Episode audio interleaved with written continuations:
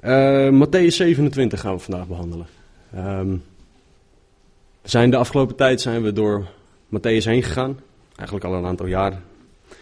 En vorige week hebben we gekeken naar Jezus die zichzelf gevangen geeft. Jezus die zich gevangen laat nemen. Jezus die voor de Hoge Raad gebracht wordt. Jezus die um, beschuldigd wordt. Jezus die aangeklaagd wordt. Um, en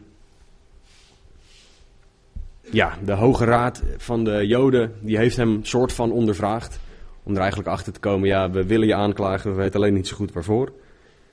Uh, ze hebben hem mishandeld, ze hebben hem onrechtmatig opgepakt. Er gaat heel veel fout als je het bekijkt vanuit Gods woord.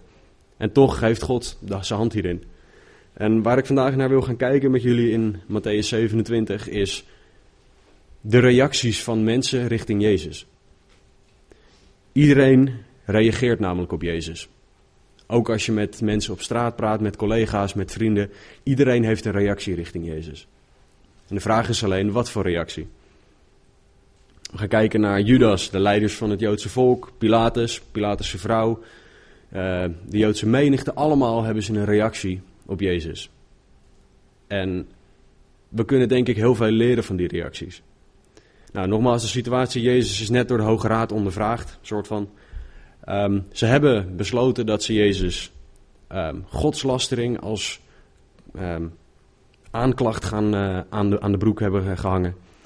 En in Jezus zijn laatste week, waarin we zitten, gaan we nu, als we vanaf vers 1 beginnen in hoofdstuk 27, zijn we op vrijdagochtend uitgekomen. De dag waarop Jezus ook gekruisigd gaat worden. De dag waarop hij sterft. En we hebben altijd heel veel focus op Jezus die sterft aan het kruis, maar we gaan vandaag dus ook kijken naar de weg van Jezus naar het kruis toe. En ik werd heel erg aangesproken toen ik dat las. Maar laten we beginnen met lezen. We gaan er gewoon uh, stukje voor stukje doorheen. Matthäus 27 en dan beginnen we met de eerste twee versen. Toen het ochtend geworden was, kwamen al de overpriesters en de oudsten van het volk met betrekking tot Jezus gezamenlijk tot het besluit hem te doden. En ze boeiden hem, leidden hem weg en leverden hem over aan Pontius Pilatus, de stadhouder. Nou, dit is de tweede vergadering van de Joodse leiders. Op de nacht van donderdag op vrijdag hadden ze Jezus dus aangeklaagd en ondervraagd. En dat hadden ze in het huis van de hoge priester gedaan. En ze hadden namelijk eerst besloten dat ze hem wilden gaan veroordelen. Daarna gingen ze beslissen waarvoor ze hem gingen veroordelen. En nu gingen ze besluiten wat voor straf gaat hij krijgen. Um, wat mij hierin verbaast is dat Jezus zich weg laat leiden. Hij is almachtig. Hij had met zijn vingers kunnen knippen en ze hadden niks meer kunnen doen, maar hij laat zich wegleiden. Hij laat zich boeien door deze mensen. Jezus stribbelt helemaal niet tegen. Ik denk dat ze gewend zijn dat gevangenen moeilijk doen en helemaal spastisch op de grond gaan liggen schreeuwen en doen. Jezus die zou gewoon meegelopen zijn. Want Jezus koos ervoor om daar te zijn. Ondanks dat Jezus vals beschuldigd werd, ondanks dat de mannen die hem aanklaagden zeer hypocriet waren in hun gedrag, in hun woorden, in hun daden. Ondanks al deze dingen ging hij door met wat God van hem had gevraagd. We hebben, we hebben vorige week gelezen, Matthäus 26, vers 53. Of denkt u dat ik mijn vader nu niet kan bidden en hij zal mij meer dan twaalf legioenen engelen ter beschikking stellen? Jezus was meer dan in staat zichzelf te verdedigen. Hij kon het op elk moment stoppen. En toch deed hij dat niet. Jezus koos bewust voor de weg die er voor hem lag. En hij wist tot in elk detail wat hem te wachten stond. Want hij was alwetend. Laten we doorlezen, vers 3 tot en met 5. Toen Judas, die hem verraden had, zag dat hij veroordeeld was, kreeg, kreeg hij Judas berouw. En hij bracht de dertig zilveren penningen bij de overpriesters en de oudsten terug. En hij zei, ik heb gezondigd, want ik heb onschuldig bloed verraden. Maar zij zeiden, wat gaat ons dat aan? U moet maar zien. En nadat hij de zilveren penningen de tempel ingegooid had, vertrok hij. Hij ging heen en hing zich op. Nadat de aandacht op Jezus gelegen heeft en op de overpriesters en op de oudsten van het volk, wordt nu heel even kort de aandacht op Judas gelegd. Een heel interessant, confronterend karakter in de Bijbel.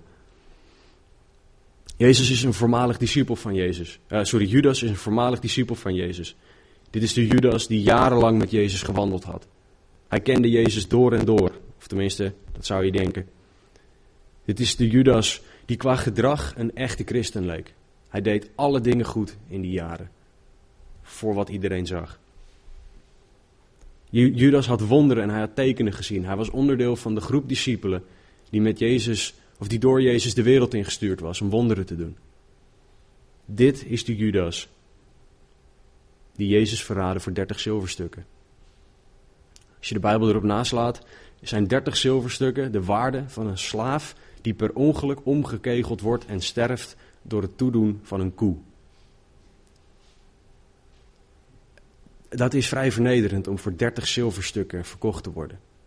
En dat is wat er met Jezus gebeurt. Judas, die de onvoorwaardelijke liefde van Jezus had gezien, verkocht Jezus voor de prijs van een dode slaaf. En Judas krijgt berouw. Zou je denken, top. Hebben we allemaal nodig. En dat klopt, we hebben allemaal berouw nodig. Alleen Judas miste één ding. Berouw van, van je zonde, zoals je hier kan zien, is puur dat je ziet wat de consequenties zijn van je zonde. Judas zag, ik heb iets fout gedaan en daardoor wordt nu een onschuldige veroordeeld. Dus hij dacht, nou, als ik dat geld naar teruggeef, zullen zij alles omdraaien en is het weer goed. Waar ik naartoe wil, is dat God wil dat wij verder gaan dan alleen berouw. God wil bekering. God wil een hart dat zich omdraait. Berouw in de grondtekst wijst slechts op een emotionele verandering. In een opwelling besluit Judas: Oh jongens, het is toch wel heel erg. En gaat hij terug en probeert hij het weer goed te maken. Om zijn eigen ziel tot rust te brengen, om zijn eigen geweten tot rust te brengen. Maar dat is geen bekering. Van Dalen definieert bekering als een algehele verandering van levensrichting. 180 graden draaien. Als je zondigt, ren je 100% weg van, van God. En bekering is dat je je omdraait en de andere kant op rent richting God. Handelingen 3:19. Petrus geeft daar een fantastische preek. En hij zegt tegen het volk: Kom dus tot inkeer en bekeer u. Opdat uw zonden uitgewist worden en er tijden van verkwikking zullen komen van het aangezicht van de Heer. God wil bekering van ons. God wil niet dat wij, net zoals Judas, alleen berouw hebben. Berouw is goed. Zonder berouw is er geen bekering. Want je moet je beseffen dat je een zonde gedaan hebt. Judas besefte zich dat. Alleen, hij ging niet de laatste stap. Het woord voor bekering, metanoia, betekent dat je je vol berouw afkeert van zonde. En de zondaar die berouw heeft, is in de juiste staat om goddelijke vergeving aan te nemen. Judas zag alleen, ik doe iets verkeerd en ik wil het terugdraaien. Hij bekeerde zich niet. Bekering is de belangrijkste stap van het berouw en bekering. Want bij berouw alleen heb je geen redder nodig. Dan kan je het zelf namelijk weer terugdraaien. Bij bekering zie je dat je iemand anders nodig hebt, namelijk Jezus, om van je zonde af te komen. Bij bekering zoals God het ziet, zie je in dat je van je zonde af moet, maar dat je het zelf niet kan. Bij bekering zie je in dat je je volledig afhankelijk op moet stellen van God. En dat is wat Judas niet deed, want in vers 5, hij ging heen en hing zich op. Hij had geen vergeving van zijn zonde ontvangen, omdat hij niet zich bekeerde van zijn zonde.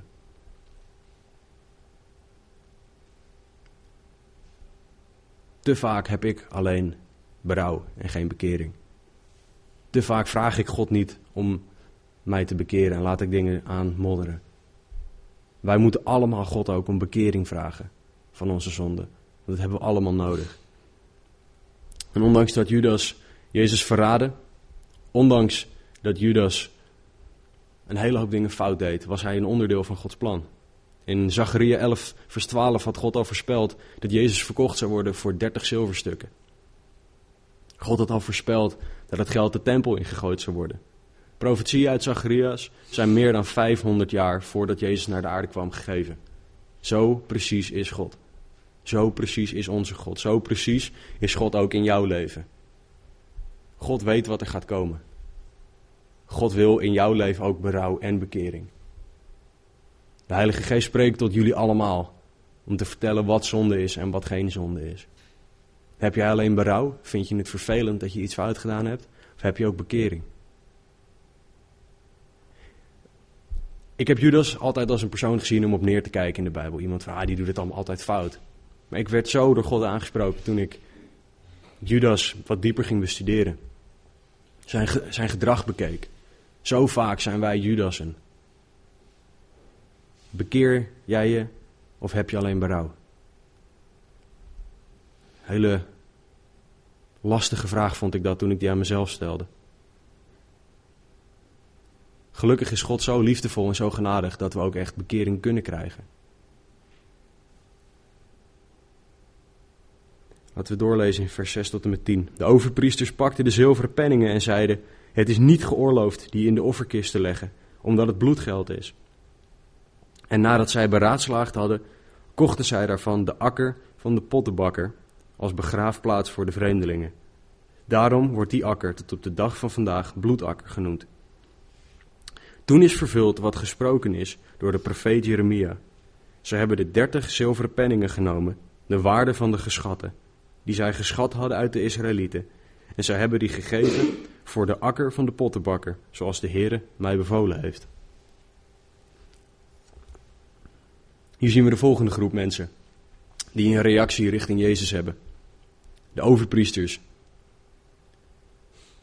Um, zij hebben een vreselijk hypocriete reactie richting Jezus. Zij hebben namelijk eerst geld gegeven aan Judas. Ze hebben geld gegeven om Jezus uit te leveren, zodat zij hem konden vermoorden. Zodat zij een straf op Jezus konden leggen die niet de zijne was. Ze hebben geld aan hem gegeven. Ja, ze hebben Judas gewoon eigenlijk tot een soort huurmoordenaar gemaakt. En dat, dat mocht volgens hun. Dat was opeens geoorloofd, terwijl de wet van God heel duidelijk is: gij zult niet doden. En toch gaan ze hier opeens heel religieus doen in vers 6. Ze zeggen het is niet geoorloofd dat geld in de offerkist te leggen omdat het bloedgeld is. Hiermee veroordelen ze zichzelf. Ze zeggen het geld dat wij gegeven hebben is geld waar, waarvoor bloed vloeit. Dat mag niet. Dat is niet zoals God wil dat wij met elkaar omgaan. Dit zijn mannen die Gods woord moesten kennen. Dit zijn mannen die Gods woord moesten moesten houden, die een voorbeeld moesten zijn. Dit zijn mannen die het woord van God moesten uitleggen aan het volk. En wat doen ze? Ze breken Gods woord en gaan daarna heel religieus lopen doen. Om te zeggen, ja, maar nu mag het opeens niet en nu houden we ons wel aan de wet van God. Hoe hypocriet ben jij? Ook geen leuke vraag. Het was een hele ingewikkelde studie deze week voor mij. Omdat ik constant tegen mezelf aanloop en liep. Ik heb een keer iemand horen zeggen dat onze eigen zonden er veel erger uitzien op iemand anders dan op onszelf. Ik kan mezelf mateloos irriteren aan de dingen die andere mensen fout doen. En dan zijn er mensen, voornamelijk Amit, die mij dan een spiegel voorhoudt en die zeggen: Ja, maar je doet precies hetzelfde. Hoe hypocriet ben ik? Hoe hypocriet ben jij?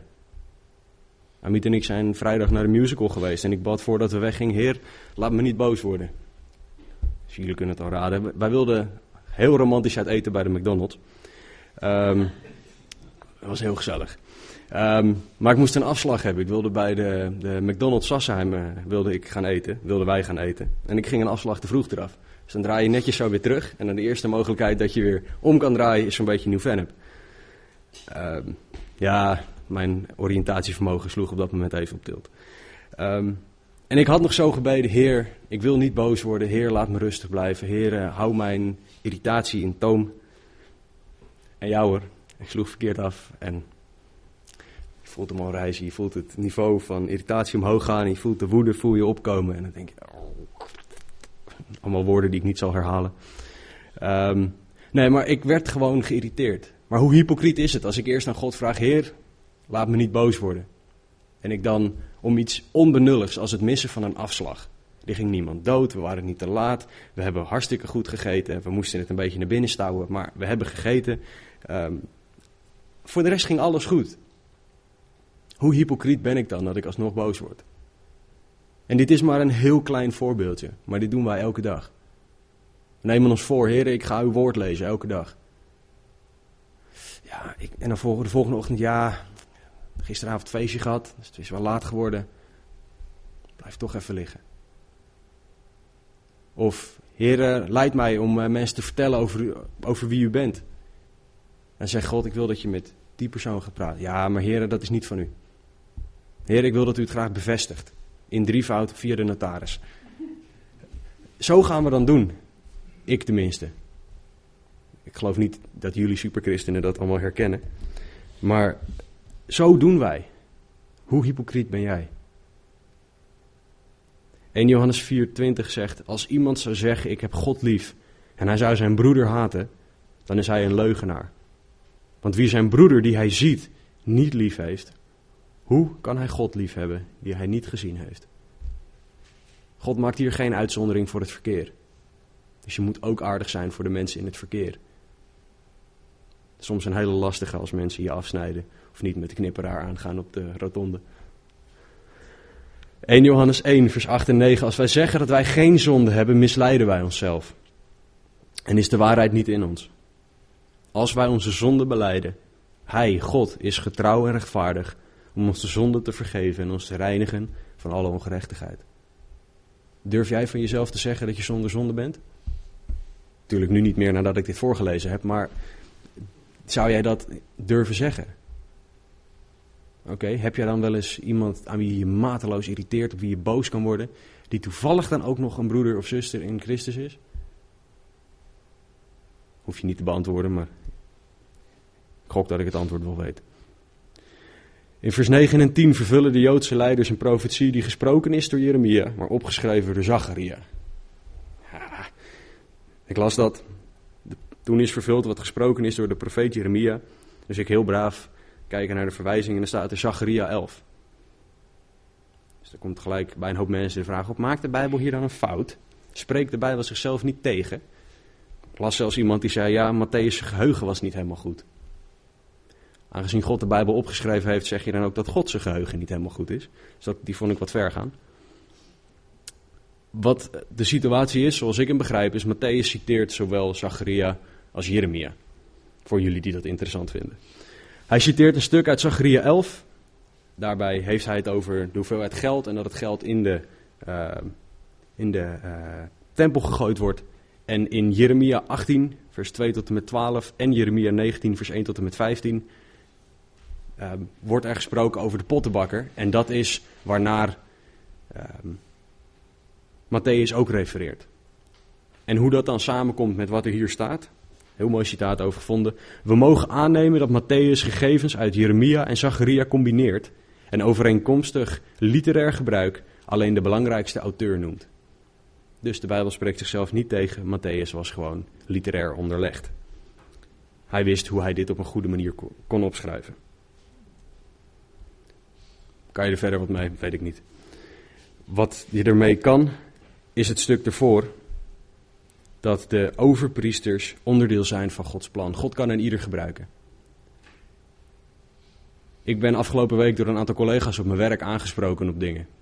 En dat was niet leuk, want ik moest het even horen. Maar daardoor ging ik mijn hart onderzoeken. Ik kan ook denken van ja, dat is een ongelovige. Dikke doei. God kan een ongelovige niet gebruiken. Dus daar hoef ik niet, hoef ik niet iets mee te doen.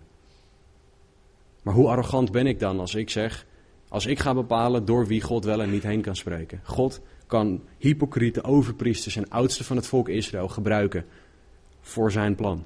God kan iedereen gebruiken. God kan alles gebruiken voor zijn plan, voor zijn glorie, voor zijn eer.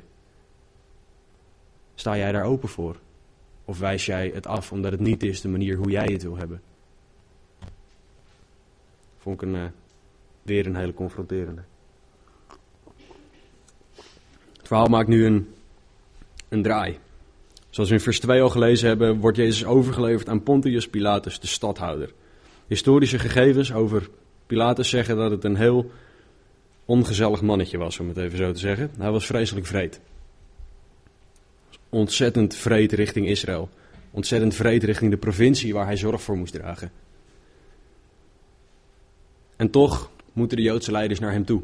Ze moeten naar hem toe omdat ze zelf geen autoriteit hebben. Ze beslissen wel dat Jezus dood moet, maar dat mogen ze helemaal niet beslissen. Ze mogen het niet uitvoeren. Ze moeten weer terug naar de Romeinen. Laten we vers 11 tot en met 14 lezen. Jezus stond voor de stadhouder, Pontius Pilatus, en de stadhouder vroeg hem: U bent de koning van de Joden? Jezus zei tegen hem: U zegt het. En toen hij door de overpriesters en de oudsten beschuldigd werd, antwoordde hij niets. Toen zei Pilatus tegen hem: Hoort u niet hoeveel ze tegen u getuigen? Maar hij antwoordde hem op geen enkel woord, zodat de stadhouder zich zeer verwonderde. Pilatus stelt één simpele vraag: Ben jij de koning van de Joden?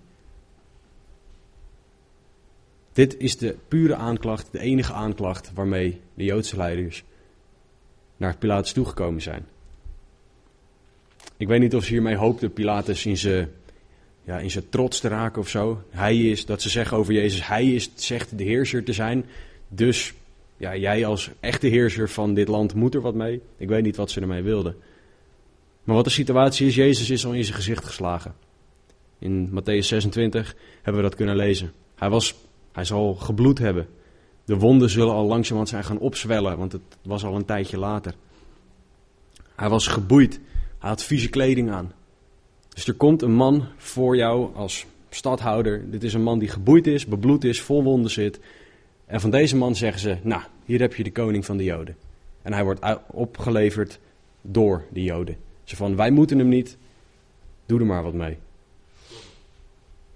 Ik denk dat er wel wat van sarcasme, misschien wel cynisme in de stem van Pilatus zat toen hij vroeg: Ben, wat? ben jij de koning van de Joden? Jezus zegt alleen: Jouw woorden, niet die van mij. Jezus had een redenvoering kunnen geven. Hij had op kunnen staan, had kunnen zeggen: Pilatus, ik zal jou eens wat vertellen. Mijn papa is de grootste en de sterkste. Mijn papa, nou en dan gaat hij helemaal. Jezus had, een, had Pilatus kunnen overtuigen van zijn eigen onschuld. Hij had allerlei dingen kunnen doen. En wat doet hij? Hij doet niks.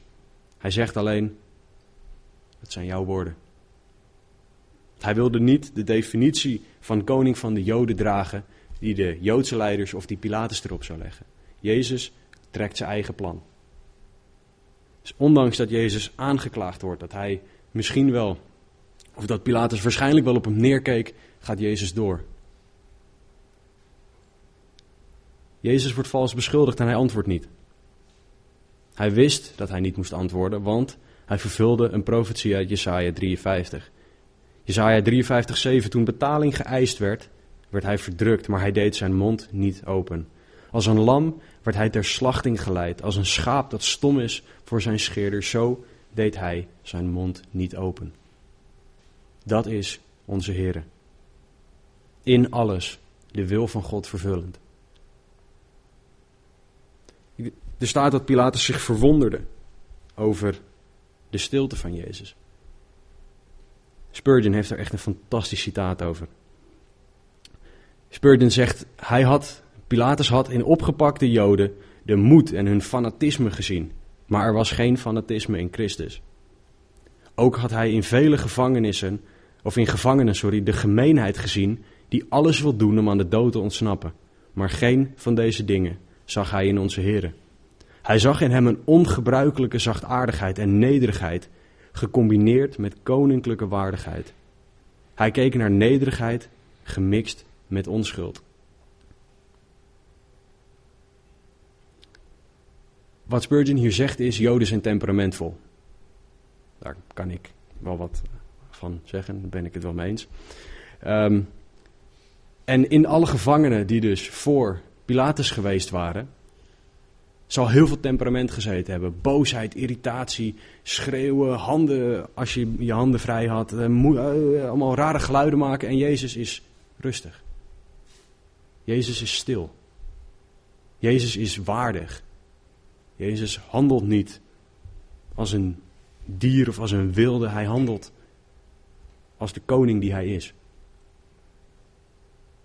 Als wij als gelovigen ons moeten verdedigen, tegenover ongelovigen, als wij ons moeten verdedigen tegen wie dan ook, is het vaak beter om stil te zijn en om God de verdediging te laten doen. Ik weet niet of ik stil zou zijn in Jezus' situatie. Wetende waar je naartoe gaat, wetende wat de gevolgen zijn. Ik ben nog niet als Jezus. Maar dat wisten jullie al. Pilatus kiest niet voor Jezus. Hij kiest ook niet tegen Jezus hier. Zijn reactie gaan we straks zien. Maar hij had op dit moment al kunnen weten, ja. Wat, wat, wat is hier nou aan de hand?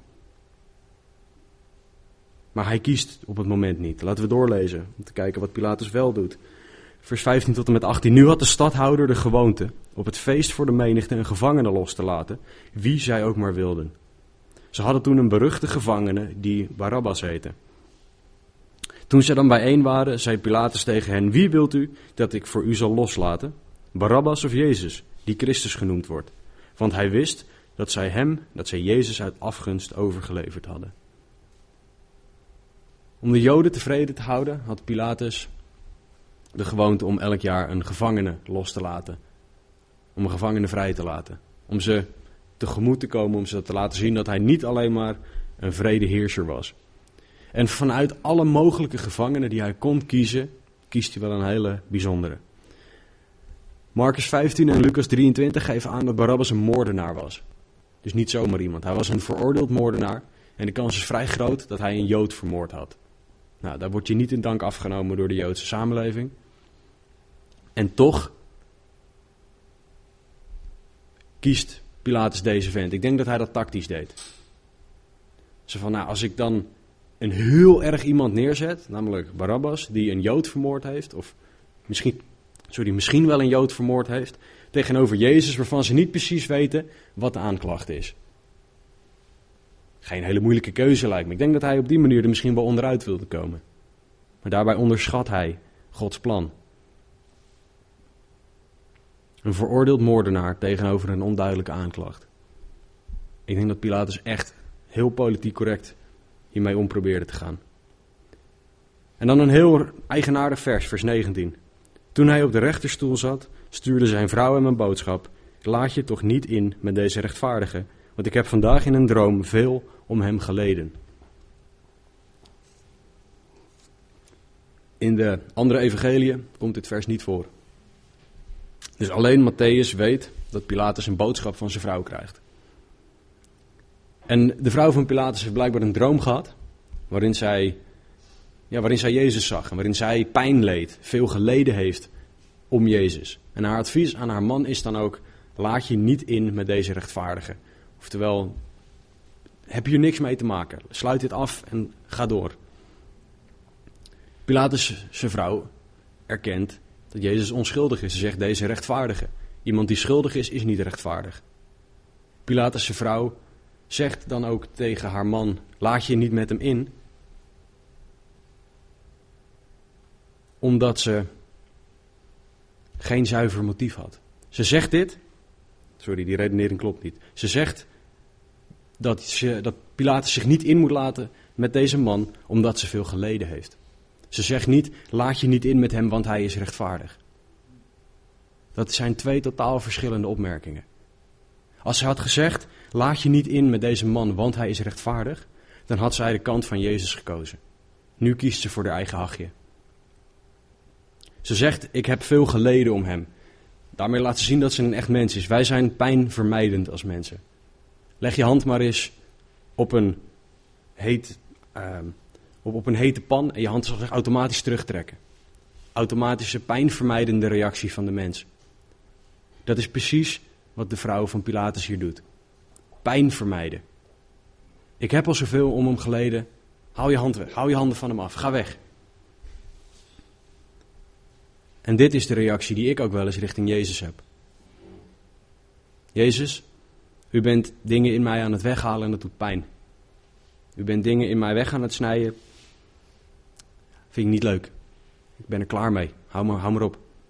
Ik neem mijn eigen rotzooi weer in mijn eigen handen. Ik ga het zelf alweer uitvogelen. Wat u doet, doet te veel pijn. Menselijke reactie is om je terug te trekken als Jezus dingen aan het weghalen is. Niet alles wat hij namelijk doet in mijn leven, in jouw leven, is makkelijk. Is pijnloos. Er staat nergens in de Bijbel dat een leven met Jezus makkelijk of pijnloos zal zijn. Nergens. In Johannes 15 legt Jezus uit dat God ons snoeit. Jezus legt eruit dat wij een wijn of een, een, een druiventak zijn. En om die tak zoveel mogelijk vrucht te laten dragen, dus om hem tot zijn potentieel te laten komen, moet je hem af en toe snoeien. Moet je dode dingetjes weghalen. Of dingen die niet kloppen. Zo ook in het leven van een christen. God wil snoeien, God wil zonde weghalen. En dat is nooit leuk. Dat zijn de dingen waar we aan vasthouden. God wil pijn en verdriet weghalen. De dingen waar wij doorheen gegaan zijn, die we moeilijk vinden. God wil angst en schaamte weghalen. Die diepe dingen waar je ongelooflijk bang voor bent. De schaamte die je niet los wil laten, omdat het zo'n diepe pijn met zich meebrengt. Daar wil God mee aan de slag. En dat zijn de dingen waardoor je soms geneigd kan zijn om je leven terug te trekken. God zegt in Jeremia dat hij het allerbeste met ons voor heeft. God heeft niet het goede met ons voor of het leuke of het fijne. Nee, God heeft het allerbeste met ons voor. Mensen zeggen wel eens: ik leef goed. Ja, je leeft niet perfect. God wil het allerbeste voor ons. Ondanks dat de keuzes die je zelf maakt misschien de goede keuzes zijn, zijn het niet de allerbeste keuzes. Die heeft alleen God voor jou. En dat betekent soms dat God moet snoeien en dat je pijn moet lijden om er beter uit te komen. Zachte heelmeesters maken stinkende wonden. Dus wat doet God? Hij snijdt dingen weg. Heel precies. Die weggesneden moeten worden. Vraag, ben je bereid om God je pijn te laten doen? Dat is niet de vraag die je zomaar hoort. Ben je bereid om God te vertrouwen? Dat Hij zijn snoeiwerk in jou gaat doen en dat je er beter uitkomt. Vertrouw je God dat Hij dat kan en dat Hij dat gaat doen en dat jij er dus ook echt als een beter persoon uitkomt? Of pak je het allemaal maar weer terug en zeg je nou Heer, doet pijn, het is goed geweest. Hasta la vista, ik ga er vandoor. Zoek het maar uit. Dat is wat de vrouw van Pilatus hier doet. Wat doe jij? Vers 20 tot en met 25. Maar de overpriesters en de oudsten haalden de menigte over dat zij om Barabbas zouden vragen en Jezus zouden ombrengen. De stadhouder antwoordde hun en zei: Wie van deze twee wilt u dat ik voor u zal loslaten? Ze zeiden Barabbas. Pilatus zei tegen hen: Wat zal ik dan doen met Jezus, die Christus genoemd wordt? Ze zeiden alle tegen hem: Laat hem gekruisigd worden. Maar de stadhouder zei: Wat voor kwaad heeft hij dan gedaan? Maar ze riepen des te meer: Laat hem gekruisigd worden. Toen Pilatus zag dat hij niets bereikte, maar dat er veel meer opschudding ontstond, nam hij water, waste zijn handen voor de ogen van de menigte en zei: Ik ben onschuldig aan het bloed van deze rechtvaardige. U moet maar zien. En heel het volk antwoordde en zei: Laat zijn bloed maar komen over ons en over onze kinderen. Wat een reactie. De rechtvaardige keuze voor Pilatus is om Jezus vrij te laten. Hij zegt zelf, het is een rechtvaardige. God had hem via zijn vrouw laten weten, deze man is een rechtvaardige. Pilatus had alle mogelijkheid om de juiste keuze te maken. En wat doet hij? Kiest heel anders. Pilatus werd overgehaald door de druk van de massa. Pilatus was meer bezig met zijn eigen hachje, met zijn politieke carrière, dan dat hij bezig was met het juiste te doen. Hij kiest dus ook niet voor, om, hij kiest ervoor om niet een opstand te kunnen veroorzaken, maar hij kiest ervoor om politiek correct te zijn. Hoe vaak zijn wij dat ook niet? Op je werk, als een collega iets doet of iets zegt wat gewoon te vunzig is voor woorden. In plaats van er wat tegen zeggen, meelachen. In de plaats van in opstand komen tegen zonde. In de plaats van als je ziet dat een collega gepest wordt op het werk. Wat jammer genoeg heel vaak voorschijnt te komen. In plaats van er tegenin gaan, niks zeggen. Ik heb, maar ik deed toch niet mee? Ja, je deed er ook niks tegen. Hoe vaak laten wij dingen ze beloop? Kiezen wij ervoor om onze handen er vanaf te, te halen en te zeggen: Ik was mijn handen in onschuld. In de plaats van te doen wat God van jou vraagt. In vers 23 vraagt Pilatus nog een keer: Wat voor kwaad heeft hij dan gedaan? De menigte was op dat moment al opgehitst en helemaal gek gemaakt door de overpriesters. Ik weet niet wat ze gezegd hebben, maar het zal niet heel goed zijn. Ze zijn opgehitst om een rechtvaardig man te doden. Om als één volk, als één stem te schreeuwen: kruisig hem. Laat hem gekruisigd worden. Hoe ver ben je dan, moreel gezien, weggezakt?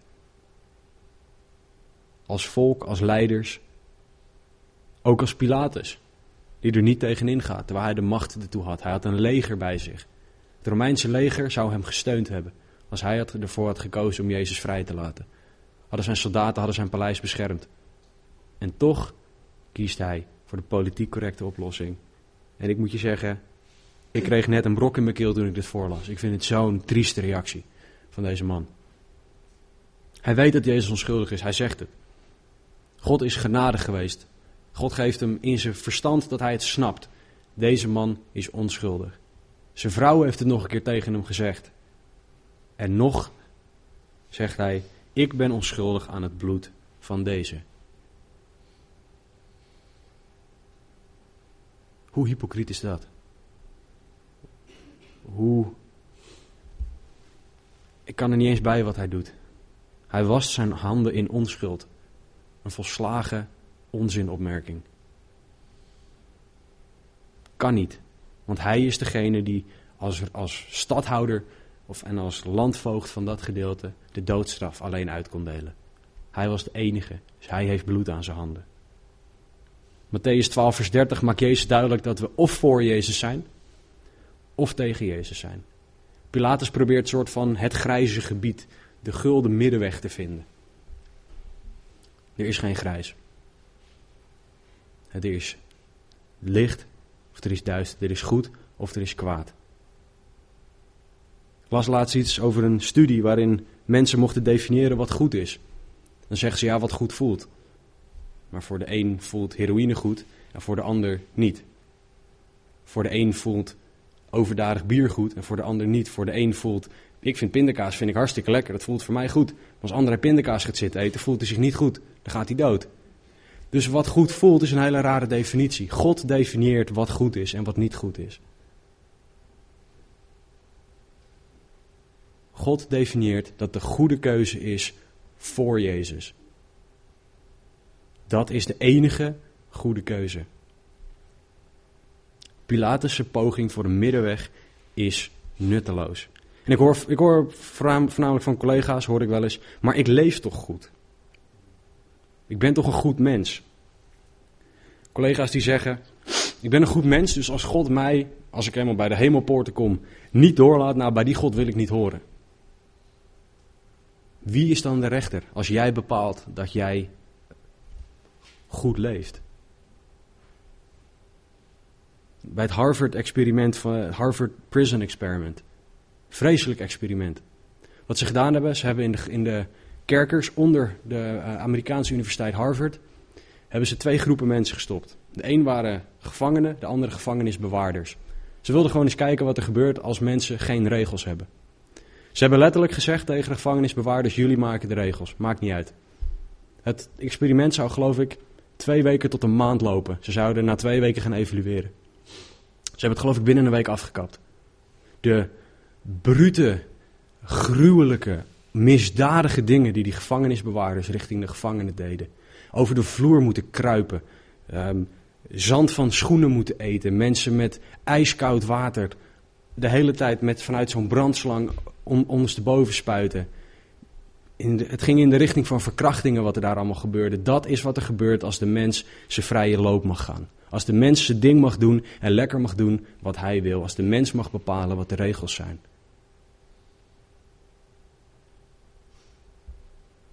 God is heel duidelijk dat ieder mens zondigt. God is heel duidelijk dat we voor Hem moeten kiezen en dat we onze zonde achter ons moeten laten. God is zo duidelijk dat Hij zegt: niemand voldoet aan de standaard die ik zet. Niemand.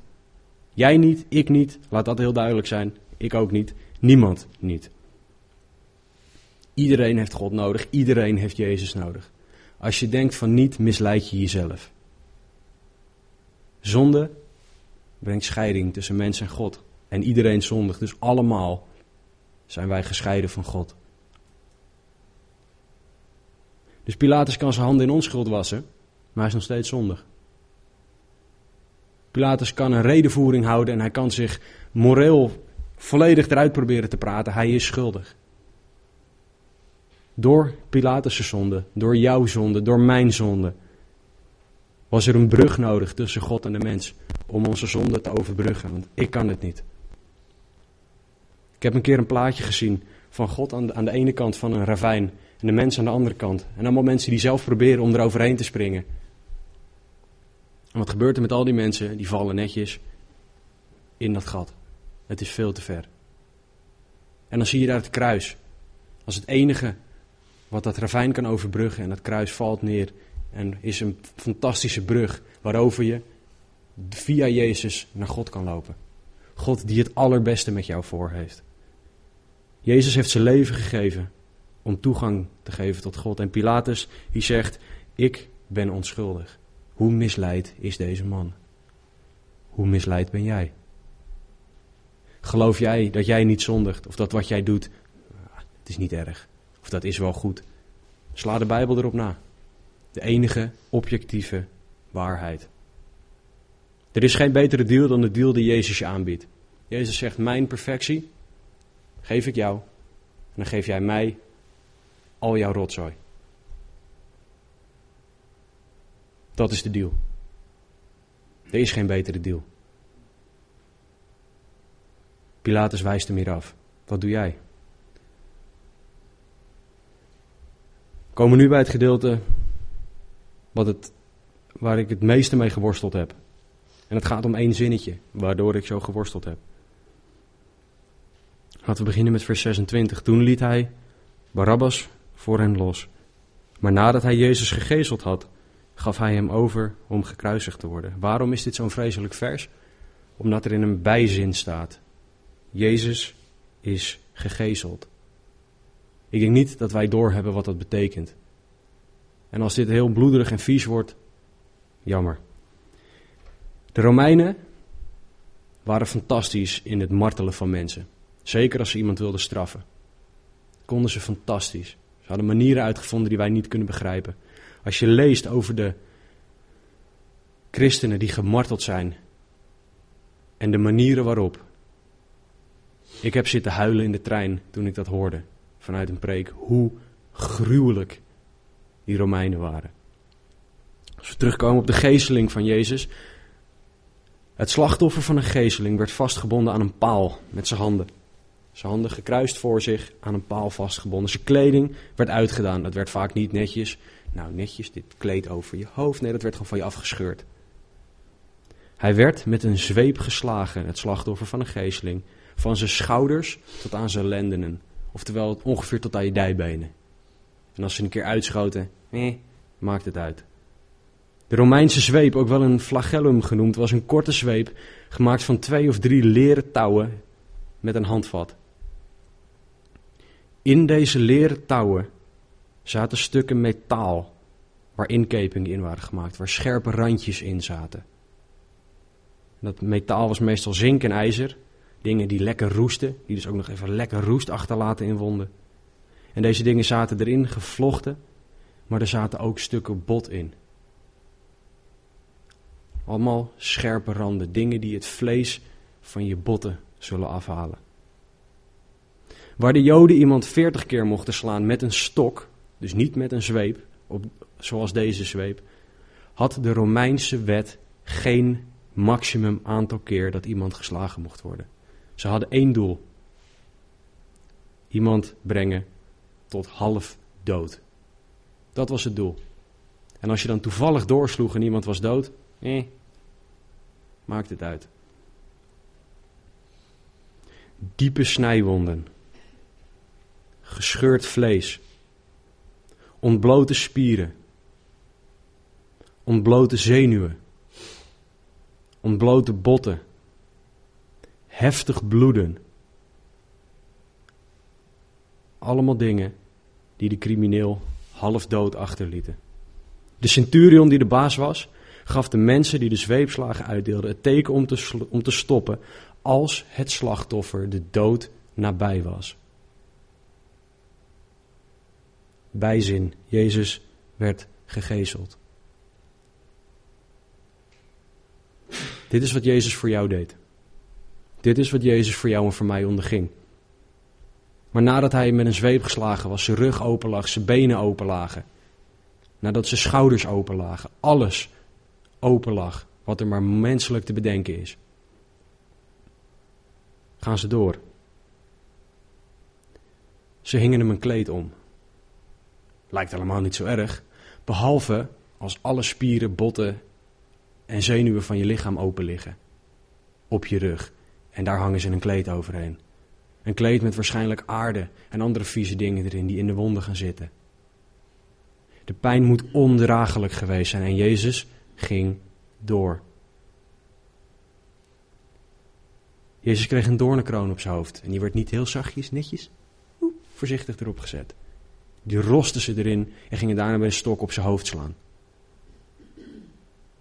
Ik denk niet dat ze zo precies gemikt hebben dat ze de doornenkroon gemist hebben. Ik denk dat ze bewust gekeken hebben, hoe kan ik dat ding er zo nog even lekker inmappen. Dat deed Jezus voor jou. Dat deed Jezus voor mij. Daarna trokken ze het kleed uit. Nog even lekker uit de wonden trekken. En trokken ze hem andere kleding aan. Ik denk, ik besef me een half procent van hoe, wat de pijn is die dit moet zijn. Dit is de pijn die Jezus koos voor jou. De pijn die Jezus koos voor jouw zonde, voor jouw rotzooi, voor alle dingen die jij verkeerd gedaan hebt. Wat een vreedheid heeft Jezus ondergaan. Wat een vreedheid die jij en ik hadden moeten dragen. Want ik heb gezondigd, Jezus niet. Hij was perfect, ik niet. Wat een liefde, wat een onbegrijpelijke liefde laat Jezus hier zien. De menigte heeft hiervoor gekozen. Dit was hun reactie richting Jezus. Dit was Pilatus' reactie richting Jezus. Pilatus wist wat Jezus te wachten stond toen hij zei, nou gezel hem maar. Durf te wedden dat Pilatus heeft zitten kijken. Ik heb geestelijk gezien Jezus daar helemaal in elkaar geslagen met een zweep. Door mijn zonde zit hij, zat hij daar. Door jouw zonde zat, Pilatus daar, of zat Jezus daar. We hebben nou een aantal reacties gezien van mensen richting Jezus. Maar hoe reageer jij? Hoe reageer jij op Jezus? Wijs je hem af? Reageer je er in emotie op en zwak je daarna weer af? Ga je er heel hypocriet mee om? Weet je alle goede christelijke antwoorden? Weet je alles goed te beantwoorden?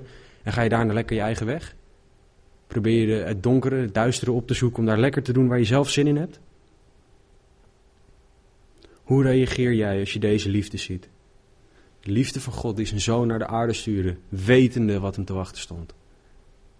God wist wat er met Jezus zou gebeuren. Jezus wist wat er met hem zou gebeuren toen hij ervoor koos om naar de aarde te komen. En toch deed hij dat. De God die jou en mijn rotzooi op wil ruimen. De God die zoveel van jou houdt dat hij zelf voor jou gemarteld is. Tot half dood aan toe. En daarna hebben ze nog even roestige spijkers door zijn handen en zijn voeten geslagen. Ze waren nog niet klaar. Ik begreep nooit waarom Jezus zijn eigen kruis niet kon dragen. van een stukje hout. Totdat ik wist wat er met Jezus gebeurd was. De ondraaglijke pijn die hij voor jou geleden heeft, waar hij voor koos. Hoe reageer je? Reageer jij als Judas? Nogmaals, iemand die alle christelijke antwoorden heeft. En op elke vraag een christelijk antwoord opdreunen. Je weet het allemaal. Lijk jij voor de buitenwereld met Jezus te wandelen? Maar ben je als erop aankomt die Jezus zal verraden voor een klein pleziertje? Voor het tijdelijke? Ben jij net zoals de leiders van Israël, hypocriet? Heel religieus opgepompt, ik weet alles. Vind je het misschien wel verstandelijk gezien iets heel moois, maar doe je er niks mee? Zie je wel dat andere mensen zondigen, maar zie je niet dat je zelf zondigt? Reageer jij zo? Reageer je als Pilatus' vrouw? Alleen maar aan jezelf denken, pijnvermijdend. Ik leid, oh, dan ren ik weg. Ben jij als Pilatus alleen maar de politiek correcte oplossing? Niet echt een keuze voor Jezus willen maken? Wil jij je handen in onschuld wassen? Hoe reageer jij? Reageer je als de menigte?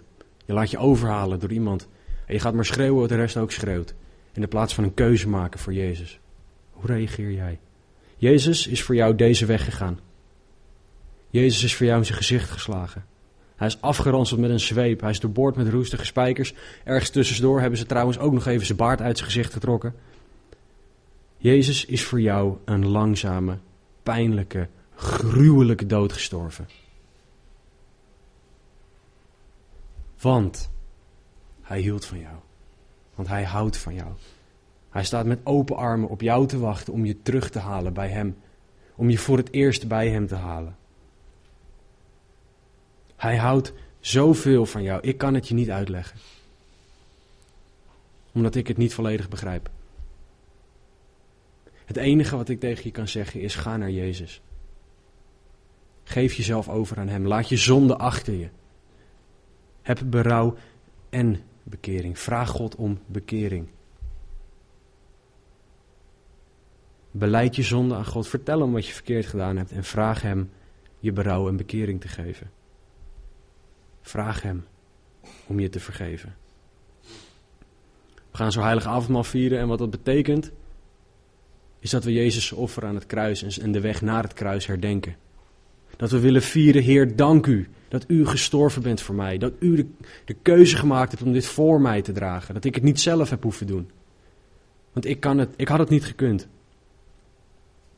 We vieren dat Jezus de dood overwon. Ik heb jullie een hele hoop gruwelijke details verteld over wat Jezus gedaan heeft. En dat is niet om een soort schuldgevoel aan te praten van, oh nou moet je wel. Dat is om te laten zien hoeveel Jezus van jou houdt. Want hij koos ervoor om die weg te gaan. Hij wist tot in elk detail wat hem te wachten stond. En toch koos hij voor jou. Het avondmaal is voor een ieder die Jezus aangenomen heeft als verlosser en Heer. Het avondmaal is voor een ieder die positief reageert op Jezus' aanbod. Het avondmaal is voor ieder die naar Gods standaard wil leven, maar erkent dat hij het zelf niet kan en zichzelf daarvoor moet overgeven aan God. Terwijl het muziekteam zo naar voren komt, ga in gebed. Ga bidden. Bid dat God je duidelijk zal maken wat er tussen jou en hem in staat. En dan kan je garanderen dat er iets tussen jou en hem in staat. Want je, je bent een mens. Vraag om vergeving. Ga bidden. Ik wil met je bidden. Er zijn zat mensen die met je willen bidden. Maar bid tot God dat Hij je zal vergeven. Bekeer je van je zonde en vier samen met ons dat Jezus gemarteld is, gestorven is, uit de dood en opgestaan is, op uit de dood opgestaan is en de weg vrij heeft gemaakt naar God. Je kan het allemaal hier weten. Maar zit het ook in je hart? Vraag God om het in je hart te laten zakken. Om het je duidelijk te maken in je hart.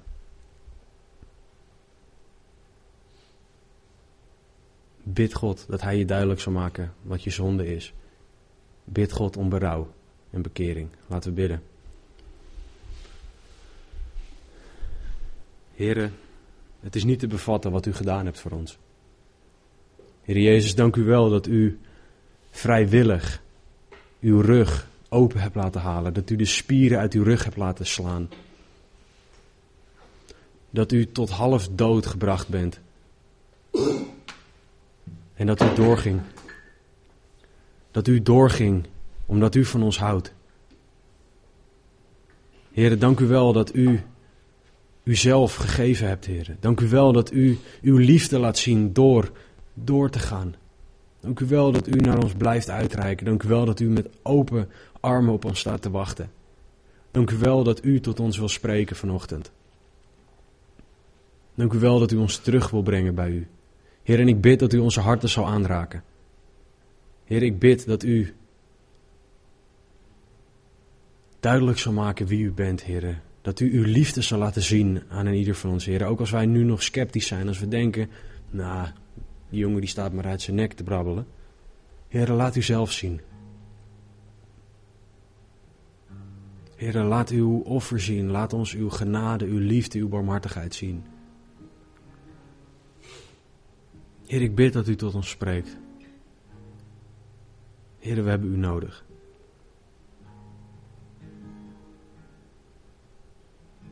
We zullen één of twee liederen zingen en daarna zal het avondmaal uitgedeeld worden. En wil, wil ik graag samen met jullie het avondmaal nemen. Maar hou je ogen gewoon dicht en, en ga God zoeken. Het muziekteam zal, zal spelen. Er, er zullen liederen gezongen worden. Maar richt je op God. Vraag Hem om, om zichzelf duidelijk te maken. Als je gebed wil, kom naar mij toe. Ik zal hier vooraan staan. Bid. Het maakt niet uit of je dat met mij wilt doen of niet. Bid, met, bid tot God. Vraag Hem om berouw en bekering. We hebben het allemaal nodig.